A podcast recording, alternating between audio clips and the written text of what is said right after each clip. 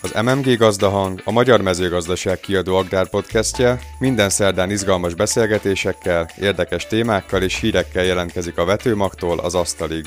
Állattenyésztés, kertészet, növénytermesztés, agrárgazdaság, élelmiszeripar minden terítékre kerül. Napelemrendszert működtetnek, hulladékhőt használnak fel, újrahasznosítják a csapvizet. A papkolbász műhelyben változatos, kiváló minőségi kolbászokat és szalámikat gyártanak, és a fennmaradás legfőbb zálogának a folyamatos fejlesztést tartják. Halmos B. Ágnes, a kistermelőklapja főszerkesztője beszélget Pap Krisztiánnal többek között arról, hogy vajon miként tud egy új vállalkozás utat törni az élelmiszerpiacra a jelenlegi gazdasági körülmények közepette, és hogyan tudja érvényesíteni termékeiket a kereslet-kínálati anomáliák örvényében.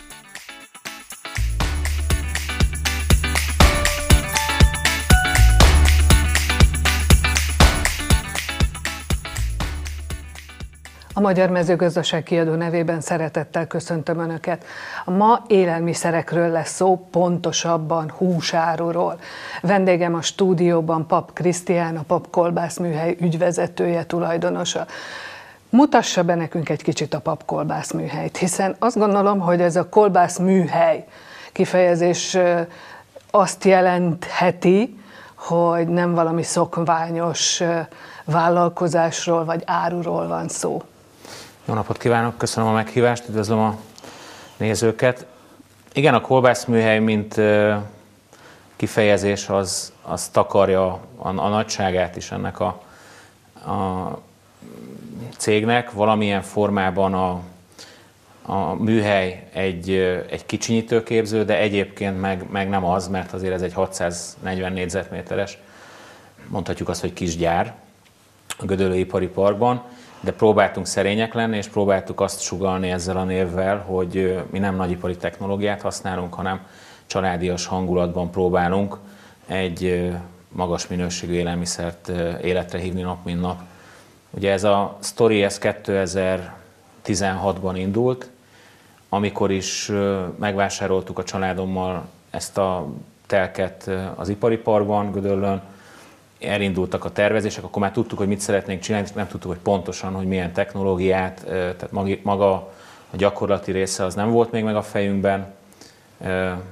A, a teleknek a nagysága nyilván behatárolt bizonyos dolgokat, de, de azért a, az építészeti részeket, a, a szakmai részeket a szakemberekre bíztuk, és ebből indult el ugye 16-ban a, a projekt ami 19-ben ért véget, legalábbis az úgynevezett építési része, akkor nyílt meg 2019 őszén a papkolbász műhely, egy teljes portfólióval, ami akkor kifejezetten kolbászról és szalámiról szólt.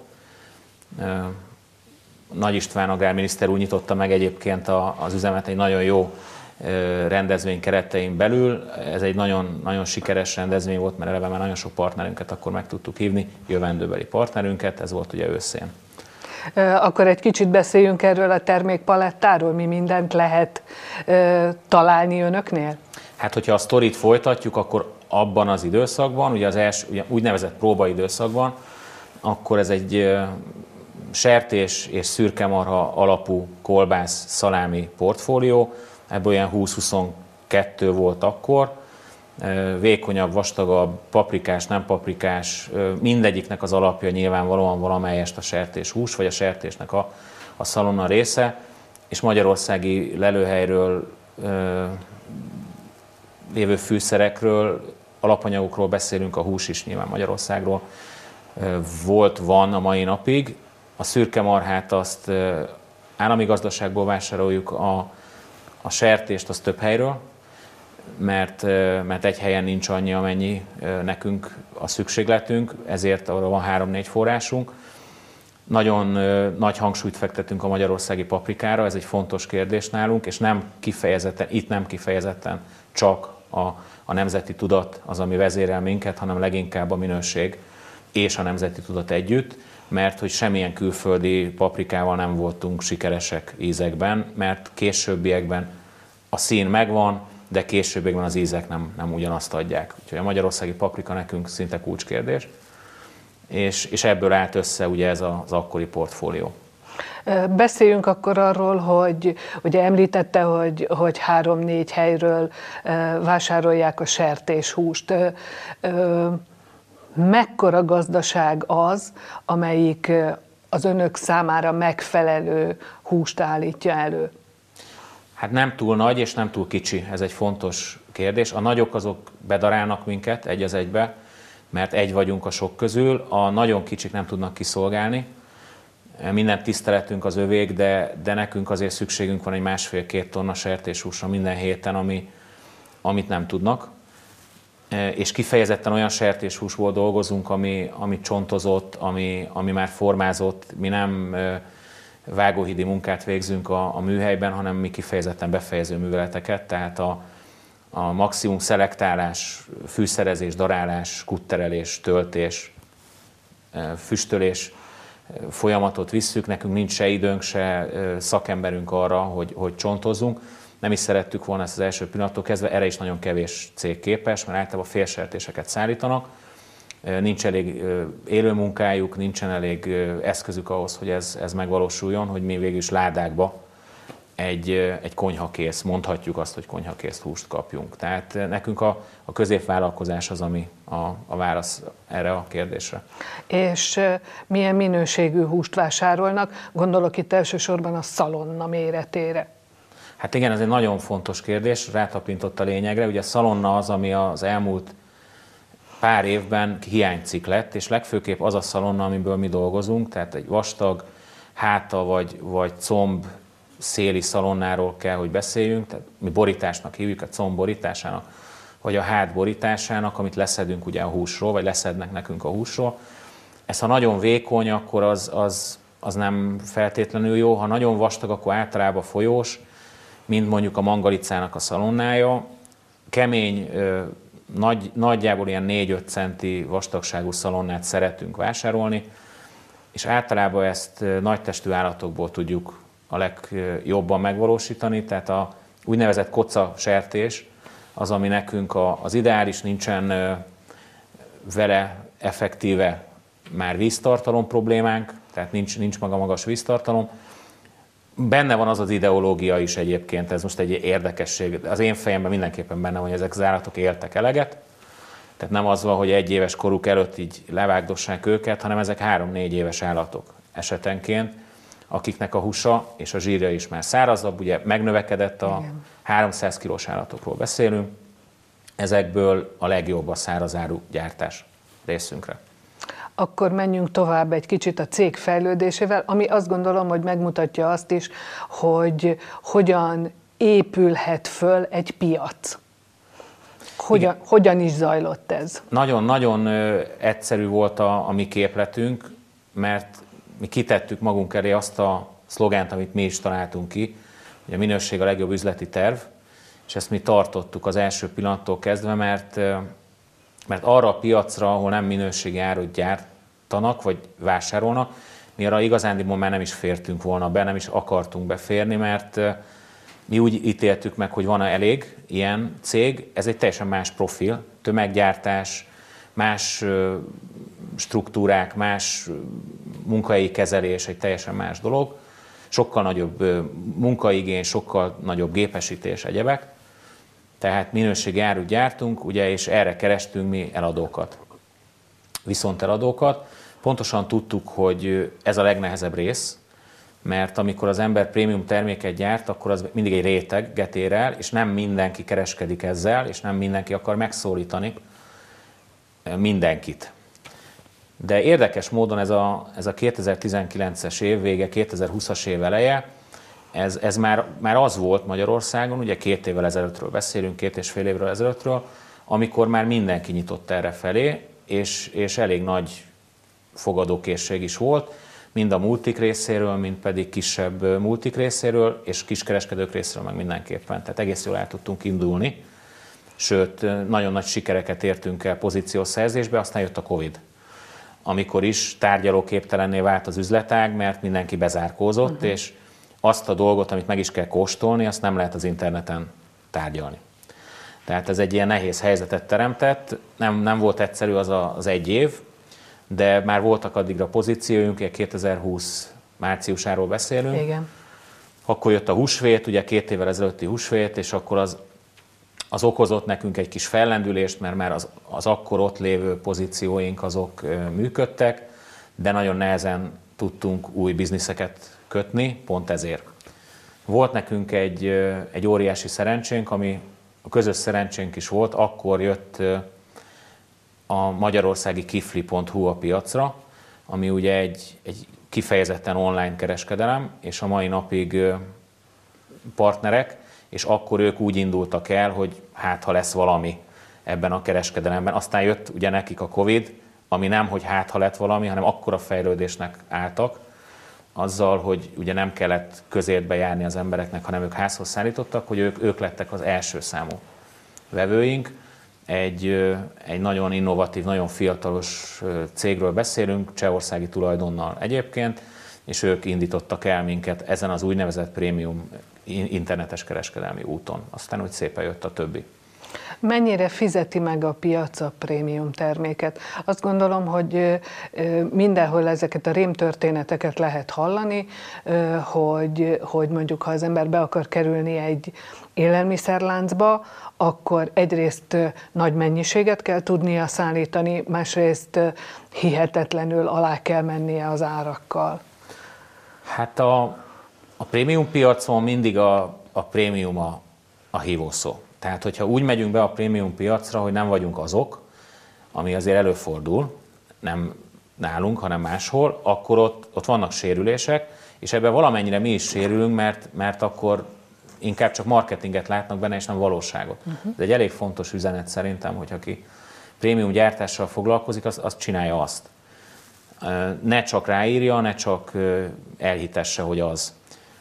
A, a mi esetünkben ugye az árak ezért elfogadhatóak voltak mindenki számára, mert, mert a minőségünk az, az garancia volt arra, hogy ezért nyilván többet is kell fizetni, de mást is kap. Tehát elmentességet kap, mindenféle színező és ízesítőanyagmentességet kap, és húst kap, ugye a hústermékek esetében ez elég fontos üzenet, mert, mert számtalan olyan hústermék létezik, amiben már van szója, amiben van burgonyapor, vagy burgonyapehely, amiben vannak adalékanyagok, amitől többek, amitől, amitől másabbak, és hogyha húsból és egyébként mentes tételekből állnak ezek a dolgok, akkor az azért mindenféleképpen egy más pozíció, és ezt szeretik is kifizetni. Tehát nekünk olyan tapasztalatunk, majd későbbiekben mindjárt beszélünk a többi vevőnkről, nincs, hogy, hogy nagyon drágának ítélnék a dolgainkat. Inkább az a kérdés mindig, hogy tudunk-e olyat adni alternatívaképpen a magasabb áru termékek mellé, ami egy kicsit alacsonyabb ár, hogy elindítsa ezt az egész ugye, pozíciót. Ilyen lehet minden esetben ugye a sertéshús, mert a sertéshús alapú termékek vélhetően olcsóbbak még mindig, mint mondjuk a szürke marha, mangalica és mondjuk a szarvas termékek. Akkor tehát önöknél is, amellett, hogy ugye volt a vegyes termék, akkor megjelentek a a kifejezetten csak sertés kolbászok. Így van, így van. Az első pillanattól van, csak mi nagy lendületet adtunk a szürkemarhának is, aztán később a mangalicának, de a, de a sertés az alaptermékünk, amit mi úgy nevezünk, hogy originál, tehát ez az originál márka termékünk, mert az a, az én édesapámnak a családi hozománya, receptje, amiben egyébként azok a fűszerek úgy vannak benne, még mindig nem bántottuk. Ez egy sertés kolbász és sertés szalámi enyhén csípős, ennek van egy csemege változat, amiben nincsen csípős paprika, amit optimálnak hívunk ebben az esetben, és ez, ez, ezzel mi azért sok helyen tudunk úgy is kereskedni, hogy egy jó minőséget, magas minőséget adunk, de elérhető áron. És itt van egy fontos pont még, hogy ugye mi gyártók is vagyunk, nem csak kereskedők, és ezért tudjuk irányítani az árainkat valamilyen szinten, nem mindig, mert nyilván azért a, a beszerzés az azért irányít minket is, de vannak olyan szereplők a piacon, akik kereskedők csak, valakitől vásárolnak, adnak hozzá egy brandet, vagy tesznek rá valamilyen címkét, uh-huh. ami már irányíthatatlanabbá válik ebben az esetben árban, mert ott már két árés szerepel rögtön. Tehát mi egy kicsit egyszerűbb helyzetben vagyunk, ezt nyilvánvalóan mi használjuk is. Hogyha a vevőknek akar valamiféle tanácsot adni, hogyan lehet két füstölt kolbász közül eldönteni a boltban azt, hogy melyik a jobb. ha nem kóstolhatja meg, akkor mit, mit figyeljen meg? Hát ha nem kóstolhatja meg, akkor nyilván optikailag azért az látszik, a lángolt kolbász, füstölt kolbász közti különbség az látszik. Ugye a lángolt kolbász az minden esetben épp, hogy csak egy kicsit hőkezelve van, és belül egy puha szerkezet van, amitől szerintünk nem érnek össze az ízek. Tehát mi nem készítünk lángolt kolbászt. Tehát ha mondjuk tapintani tudja a vevő, akkor a keményebb kolbász, az, az úgynevezett száraz kolbász, füstölt száraz kolbász, az mindenképpen egy jobb minőség, kevesebb a víztartalma, az ízek, a fűszerek jobban összeértek benne. És a címke. Tehát, hogy szerintem a mai világban, a modern kereskedelemben az üzenetek, a, a hiteles üzenetek, amiről beszélünk, azok fontosak. Tehát, hogyha rá van az írva, hogy nincs benne valami, például ugye segédanyagok, egyebek, az már hasznos, mert én úgy gondolom, hogy nem írhatja rá akkor, hogyha, hogyha van, aki megteszi, én ezt nem vitatom, meg nem is méltatom, de azért én azt mondom, azt javaslom mindenkinek, hogy azért olvassa el az anyagszerkezetet, a hústartalmat, a, tart, a tartozékokat, az összetevőket, minden mást. És döntsön így. Értem, hogyha, hogyha most ettől eltekintünk, ugye még mindig, még mindig ott tartunk, hogy, hogy akkor bekerülni azért a minőséggel be lehet kerülni valahova, de az árak tekintetében mégis a, a multik mennyire szorítják le az árakat? Hát a multikereskedelem az egy, az egy olyan kereskedelem, amiben egy gyártó nyerhet akkor, hogyha minőséget gyárt, mert bár leszorítja egy kicsit az árainkat, nekünk nincsenek igazán rossz tapasztalataink. Tehát, hogy én, én nem is vagyok az a fajta vállalkozó, aki folyamatosan csak a negatív dolgokat próbálja meg előtérbe helyezni, sosem, abszolút optimista vagyok, és lát, látom azt, hogy, hogy nekünk ezen van úgynevezett nyerni valónk, van ott keresni valónk, mert lehet, hogy egy kicsit olcsóbban dolgozunk, mint mondjuk egy, egy egyéni boltban, viszont megvan mellette a mennyiség is, és a mennyiségen viszont tudunk nyerni. Ilyen nekünk a, a Spár, aki, aki szinte a, a, az elejétől kezdve vevőnk, talán 2020 nyar, nyarán szerződtünk le, és, és utána kezdtünk el beszállítani in-out akciókon keresztül hozzájuk, és nagyon jó kapcsolatot építettünk. Kifejezetten szürke marha termékeket vásárolnak tőlünk nagy mennyiségben, és nem olyan áron, amit, amit mi nem tudunk megoldani. És csak Magyarországra szállítanak, hogyha egy multihoz szállítanak, vagy ugyanez akkor megjelenik külföldön is? Hát multilánc kapcsán Magyarországi multilánccal dolgozunk, szállítunk most már külföldre, ott kereskedőknek, de azok nem nevezhetők multinak. Inkább, inkább viszont eladó külföldön magyar terméket keresve, magyar pozíciókat előtérbe helyezve. Németországban van ilyen partnerünk, Angliába, most már Dániába, és ezek, ezek mind referenciák is, meg, meg, meg működő kereskedelmi partnerek. Mennyire a, ugye mostanában nagyon az élelmiszerbiztonság kapcsán előkerült, előkerültek a minél rövidebb ellátási láncok. Ugye Önök azt gondolom, hogy mondjuk a középső láncszem, ugye úgy, hogy egy csomó láncszem kimaradt, tehát végül is eléggé rövid ellátási láncokról beszélünk. Hogy látja azt, hogy, hogy ezek csak szlogenek, vagy tényleg az a jó? Hát ilyen üzemanyagárak mellett a világban, még Magyarországon véleményem szerint nagyon szerencsések vagyunk, és örüljünk annak, hogy ez még ilyen, de, de ez egy fontos kérdés. Gazdaságilag is fontos kérdés, környezetvédelmileg is egy fontos kérdés, mi erre is törekszünk. Tehát, hogy a multikereskedelem az, az számunkra azért is egy fontos pozíció, mert egy adott kereskedelmi depóban, ami általában itt van egyébként a környékünkön, mert az m 0 vonzás közvetében vannak ezek a, ezek a depók, beszállítunk egy, egy, egy kontingenst, és el fog jutni.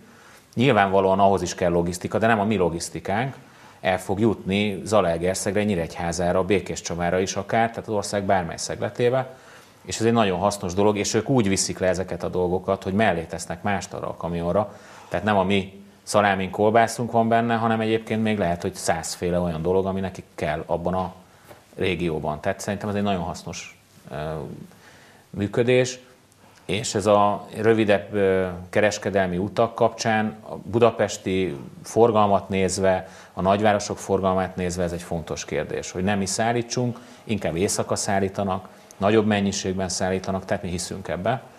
Viszont van arra autónk, és van arra működésünk, hogy a kisebb boltokat a mai napig kiszolgáljuk, amíg van kapacitásunk, mi ezt örömmel fogjuk tenni. De az sem igazán messze. Tehát mi uh-huh. próbáljuk Pest megyét inkább előtérbe helyezni, ilyen formán.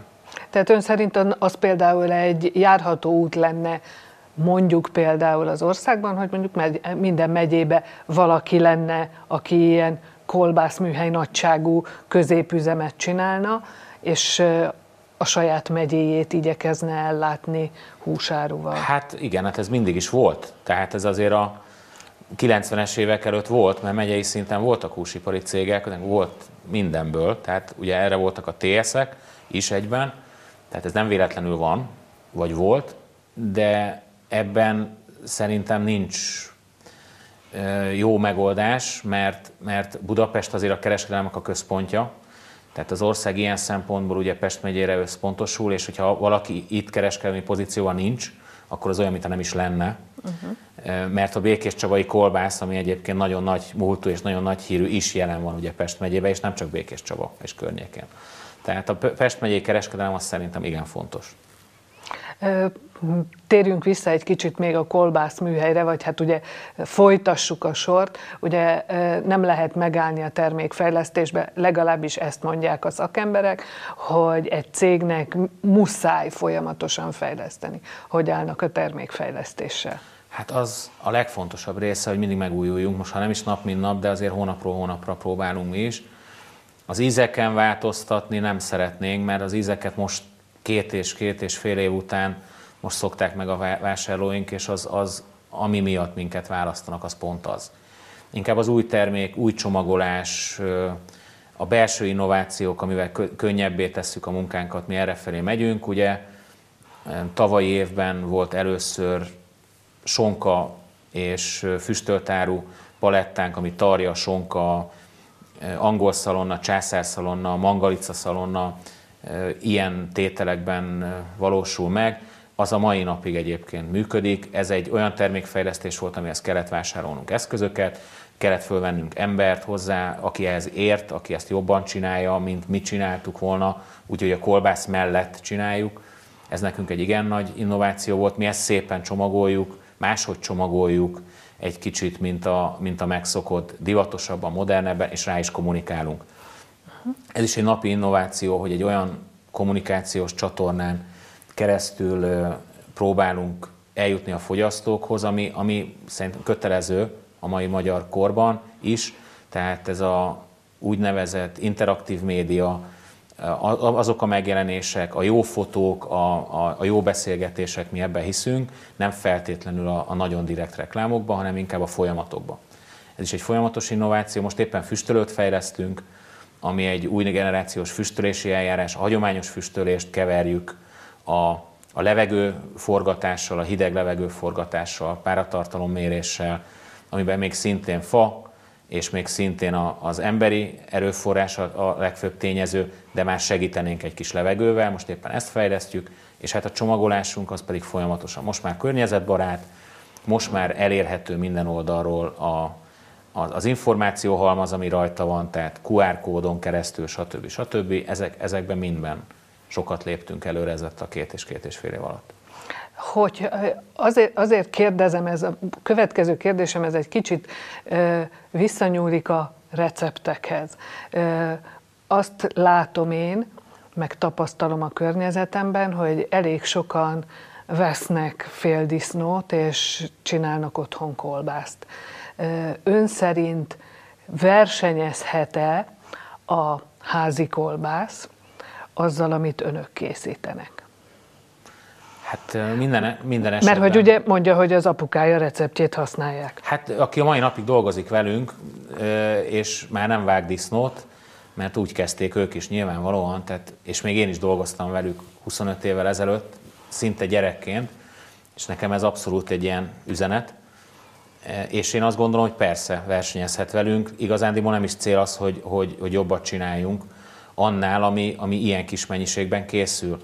Nekünk az a célunk, hogy, mert az mindig, abban mindig ott lesz a, a szív, a lélek, a, a közös munka, az én receptem, biztos, hogy így a legjobb. Én füstöltem, az összes folyamatot én ellenőriztem, és megeszem. Az olyan egy kicsit, mint amikor az ember saját bort csinál, mert van szőlője, vagy egy saját szörpöt, mert egyébként van neki gyümölcsfája, és az lehet, hogy nem is az, ami igazán kellene a kereskedelmi pozíciókba vagy polcokra, hanem az, ami nekünk kell. Ez egy fontos dolog. Tehát szerintem igen, mi avval vagyunk előrébb, nagyon diplomatikusan szólva, hogy mindig standard minőséget tudunk készíteni azokból a dolgokból, amit egyszer mi megpróbáltunk, lepróbáltunk, abból ugyanaz lesz megint. És attól, hogy, hogy hidegebb van, vagy melegebb, vagy máshogy fúj kint a szél, attól ez, ez nem fog változni. Mert ezek a dolgok, amiről ön beszél, ezek változnak attól, hogy mekkora az állat, milyen volt éppen a paprika termés, milyen volt a, milyen volt a füstölés, nálunk is valamennyire változhat, de nem észrevehető, mert nálunk is a paprika természetessége az azért kirajzolódik minden évjárat más. De mi be tudjuk állítani ezeket bizonyos gépészeti eljárásokkal. Például egy olyan töltőgépünk van, ami a töltés közben kiszedi a levegőt a, a, a hús részek közül. közül. Ez egy úgynevezett vákum eljárás, amiben a száradás is, meg, a, meg az anyagszerkezet is sokkal egyenletesebbé válik. Uh-huh. Nem nyúlunk hozzá, tehát nem az történik, hogy befolyásoljuk a működését, csak egy kicsit segítünk neki. De ugyanezt történik az élelés kapcsán, állandó levegőkeringetéssel, páratartalomméréssel, víztartalomméréssel egy úgynevezett tökéletességet tudunk varázsolni, de mivel hogy ez egy természetes dolog, a tökéletesség az, az mindig egy ilyen úgynevezett cél, de sosem valósulhat meg igazán, mert azért eldeformálódik egy kicsit, más lesz a színe, tehát azért mindig vannak változások, de ezt mi ezt szeretjük mint hogy nincs két egyforma tojás sem. Köszönöm szépen. Én is köszönöm, hogy meghívta.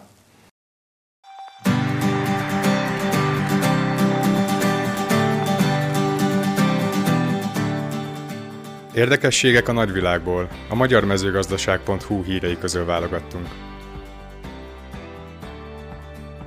A gyepgazdálkodásnak nem csak múltja, jövője is van. A világ leggyakrabban lopott élelmiszere. Vízé vált a bor Szicíliában. Oroszország sörhiányjal néz szembe.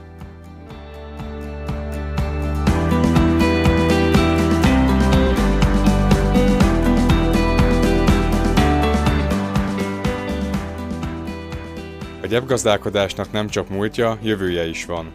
Tartsuk meg a gyepet, és a gyep megtart minket, hangzott el a Magyar Agrár és Élettudományi Egyetem és kiadónk a Magyar Mezőgazdaság Kft. által szervezett Agrárakadémia fórumon, amelynek kiemelt témája a gyepgazdálkodás állattenyésztésben betöltött szerepe volt. A szakemberek szerint a Natura 2000 szabályozás óta nagyon sokat romlott a hazai gyepek állapota, egyre kevesebb állatot képesek ellátni, egyre kevesebb legeltetési nappal. Ugyanakkor a vélemények egybehangzóak, az ágazatnak nem csak múltja, jövője is van – ezért a hazai és uniós agrárstratégiákban is szerepet kell kapni a gyepgazdálkodásnak. A gyep legelőként értékes fehérje forrás jelent az állatok számára, a mai takarmányárak mellett pedig üzletileg sem elhanyagolhatók. Fontos lenne, hogy a támogatás arra ösztönözze a gyep használókat, hogy elsősorban legelőként hasznosítsák területeiket, amihez viszont elengedhetetlen az öntözés, a vízelvezetés és a megfelelő tápanyag utánpótlás megléte. A világ leggyakrabban lopott élelmiszere. Egy holland sajtgyártótól 60 darab érlelt sajtkereket loptak el, mintegy 21 ezer euró értékben. Sajnos ez nem egyedi eset, ugyanis a sajt a világ legtöbbet lopott élelmiszere. A gyártótól lopott sajtok nem a legdrágább termékek voltak, a tolvajok a legrégebbi, legérettebb és legértékesebb sajtokat ott hagyták, valószínűleg azért, mert azok magasabb polcokon voltak a többinél. A lopás valószínűleg alaposan megszervezett volt, ugyanis minden sajt egyenként 10 kg-ot nyomott. Egyes adatok szerint a világszerte előállított sajtok 4%-át ellopják, amivel a sajt a világ legtöbbet ellopott élelmiszere. Az EU-ban Németország számít a legnagyobb sajttermelőnek 2,4 millió tonnával, őket Franciaország követi 1,9 millió tonnával, Olaszország 1,3 millió tonnával, Hollandia pedig 1 millió tonnával járul hozzá az előállított sajtmennyiséghez. Vízé vált a bor Szicíliában. Szicíliában egy borászat több millió palack hamisított bort hozott forgalomba, amelyeket Olaszország szerte éttermekben és üzletekben értékesítettek. A bor helyett valami egészen más palackoztak, egy vízből és répacukorból álló erjesztett színezett folyadékot. A csalással foglalkozó rendőrök gyanúját a pincészet biztonsági kamerájának felvételei, valamint dokumentumok, hívások és szöveges üzenetek elemzése keltette fel. A csalás leplezésére a hatóság fiktív cégeket hozott létre, hogy hamis nyilvántartást vezessenek a szőlő, must és borszállításokról, valamint egyéb műveletekről. A borászat 2020 óta folytat hamisítást, ez idő alatt több mint 4 millió liter hamis bor került forgalomba, közel 5 millió euró értékben. A borászat egyébként nem egy névtelen cég Szicília bortérképén, termékeik nem csak Olaszországban, hanem az Egyesült Államokban is megtalálhatók. A hamisításban résztvevőkkel szemben a rendőrség büntető eljárás kezdeményezett. Oroszország sörhiányjal néz szembe.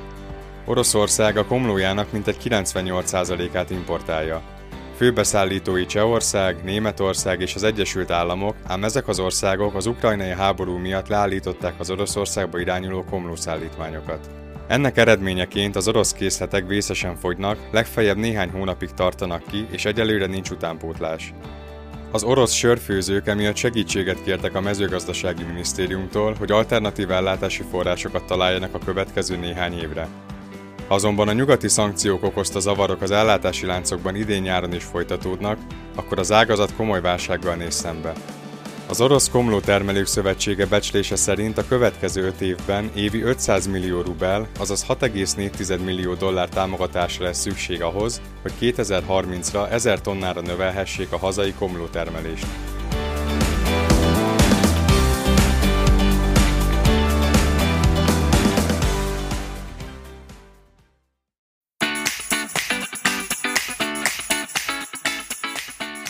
A műsor az Emberi Erőforrások Minisztériuma és a Petőfi Kulturális Ügynökség támogatásával készült. A mai műsort a Szolmontis borászat támogatta. Ha tetszett, kövessék podcast csatornánkat és értékeljenek minket. Jövő hét szerdán is várjuk Önöket. Addig is olvassák a legfontosabb agrárhíreket a magyarmezőgazdaság.hu oldalon, kövessenek minket Facebookon, Instagramon, és nézzék meg videóinkat YouTube csatornánkon vagy böngészenek nyomtatott és digitális agrárszaklapjaink között. Ezekhez mindhez megtalálják a linket a leírásban. A műsort készítette Halmos B. Ágnes, Szabó Bálint, Bokor Ádám, Varga Tibor és Mizsei Károly. Köszönjük a figyelmet!